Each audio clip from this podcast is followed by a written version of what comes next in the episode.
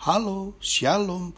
Tidak pernah bosan, kita selalu rindu mendengarkan podcast kita setiap hari ya. Siapa pun, bagaimanapun, podcast selalu ingin saudara ke depan untuk hidup lebih baik lagi.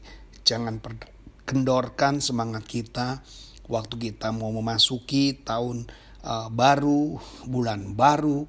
Tentunya saudara akan punya uh, inspirasi, punya tujuan ya. Jadi sumber sukacita surgawi menjadi tema kita akan menjadi penuntun saudara melewati hari-hari kita.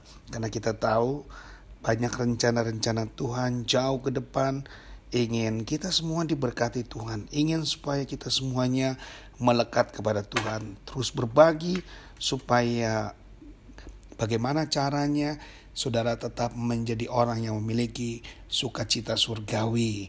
Nah, ayat yang kita ambil yaitu dalam kitab Lukas pasal 2 ayat 34 sampai 35. Demikianlah firman Allah. Lalu Simeon memberkati mereka dan berkata kepada Maria, Ibu anak itu sesungguhnya anak ini ditentukan untuk menjatuhkan atau membangkitkan banyak orang Israel dan untuk menjadi suatu tanda yang menimbulkan pembantahan dan suatu pedang akan menembus jiwamu sendiri supaya menjadi nyata pikiran hati banyak orang. Sukacita kelahiran Yesus Kristus sejak awalnya memang tidak terlepas dari ancaman kematian dan kesulitan. Itu sudah disampaikan ya dari proses kehamilan Maria, sensus Romawi, pembantaian bayi-bayi yang di bawah dua tahun, Herodes mewarnai kisah Natal dan juga para majus yang terancam ya kesukaan besar berubah menjadi kesengsaraan besar bisa dibayangkan hal-hal yang tidak pernah terjadi dan terjadi. Mungkin ada yang katakan, wah kualat nih, ini ada sesuatu yang pertanda tidak baik. Pasti ya ada orang yang menyatakan hal seperti itu. Tentunya tidak ya. Kita bukan orang yang langsung uh, negative thinking terhadap segala sesuatu yang terjadi. Padahal itu bukan sesuatu yang merupakan satu ancaman, tetapi sebuah permulaan untuk mengenal sesuatu yang baru. Hal yang sama dalam dua tahun terakhir uh, COVID yang kita alami ya, ini sudah mengambil uh, saya boleh sebut pencuri sukacita Natal ya. Bayangkan Natal kita uh, sampai sampai mungkin seperti kita uh, seumur hidup ini belum pernah mengalami Natal dengan hanya menonton ya Natal hanya lewat Zoom Natal yang tidak dirayakan Natal yang sangat miris sekali ya. Apakah sukacita Natal itu bisa hilang? Sebenarnya tidak saya boleh sampaikan sukacita Natal tidak terhilang. Ya, kalau kita memiliki kekuatan sukacita surgawi untuk tetap bertahan dan segala ancaman pedang dan kematian itu bukan alasan. Kita sadar ya bahwa kita ini adalah seseorang yang memang sedang menjalankan perintah Tuhan. Kita sedang melakukan apa yang Tuhan rencanakan jauh ke depan buat diri kita Coba lihat dalam Filipi pasal 1 ayat 3, 4, dan 5.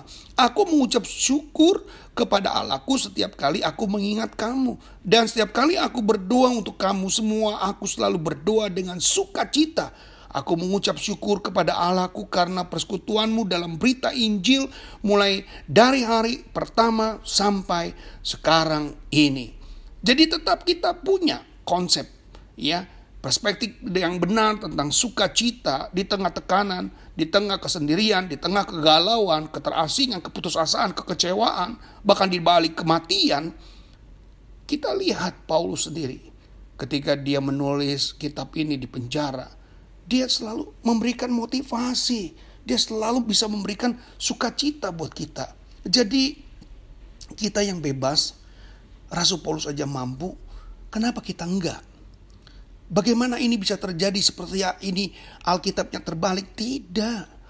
Kita kadang-kadang sudah terlalu uh, berlebihan dalam menanggapi sebuah situasi. Sukacita sejati hanya berasal dari Roh Kudus, maka kekuatan kita jangan cuma dari luar. Kekuatan yang harus terbesar dalam diri kita adalah dari dalam. Karena dari dalam kita akan memprotek semuanya Ancaman-ancaman dari luar pun tidak akan pernah mengalahkan. Karena kekuatan yang di dalam jauh lebih besar daripada kekuatan yang di luar. Tuhan mau kekuatan kita bukan di luar, tapi di dalam. Kekuatan yang lewati keadaan sulit. Kekuatan yang bisa melewati keadaan terhimpit. Yesus mengundang kita untuk mendapatkan kehidupan yang berkelimpahan. Hidup yang ada di dalam sukacita Allah. Kehadirannya lewat karya Roh Kudus akan membuat kita sukacita penuh, akan membuat kita kemenangan penuh yang tidak akan pernah terhimpit oleh karena penderitaan, yang tidak akan pernah terhimpit oleh kesengsaraan.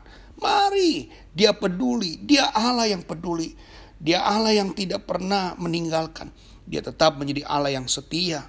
Jadi hari ini adalah keputusan kita untuk tetap menjadi orang-orang yang militan, kita menjadi orang-orang yang harus berhasil di dalam segala tantangan, dalam segala kehidupan. Kita adalah orang pemenang. Jadi mulailah jadi pemenang-pemenang Allah yang sungguh, pemenang-pemenang Allah yang luar biasa. Jangan menganggap remeh, meremeh ya bahwa ketika kita mulai lupa, ketika kita mulai gak sadar diri, iblis akan telah mengintip kita. Iblis telah mengintip kita apa yang dia inginkan kita lemah. Apa yang diinginkan? Kita jatuh. Apa yang diinginkan? Supaya kita meninggalkan Tuhan. Jadi kita sebagai orang-orang percaya, kita sadar kesempatan kita juga terbatas. Marilah kita melangkah. Marilah kita terus berjalan sesuai dengan apa yang Allah inginkan. Sesuai dengan apa yang Allah mau lakukan buat kehidupan saudara dan saya. Tetap maju, tetap kuat, bertahan terus. Itulah yang Tuhan nantikan buat hidup saudara jadi berkat. Teruskan podcast ini kalau saudara ingin kasih tahu kepada banyak orang sukacita yang saudara miliki akan menjadi sukacita yang berdampak di dalam kehidupan saudara dan saya.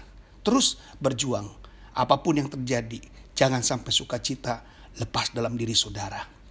Amin. Tuhan Yesus pasti pasti memberkati dan maju terus. Shalom.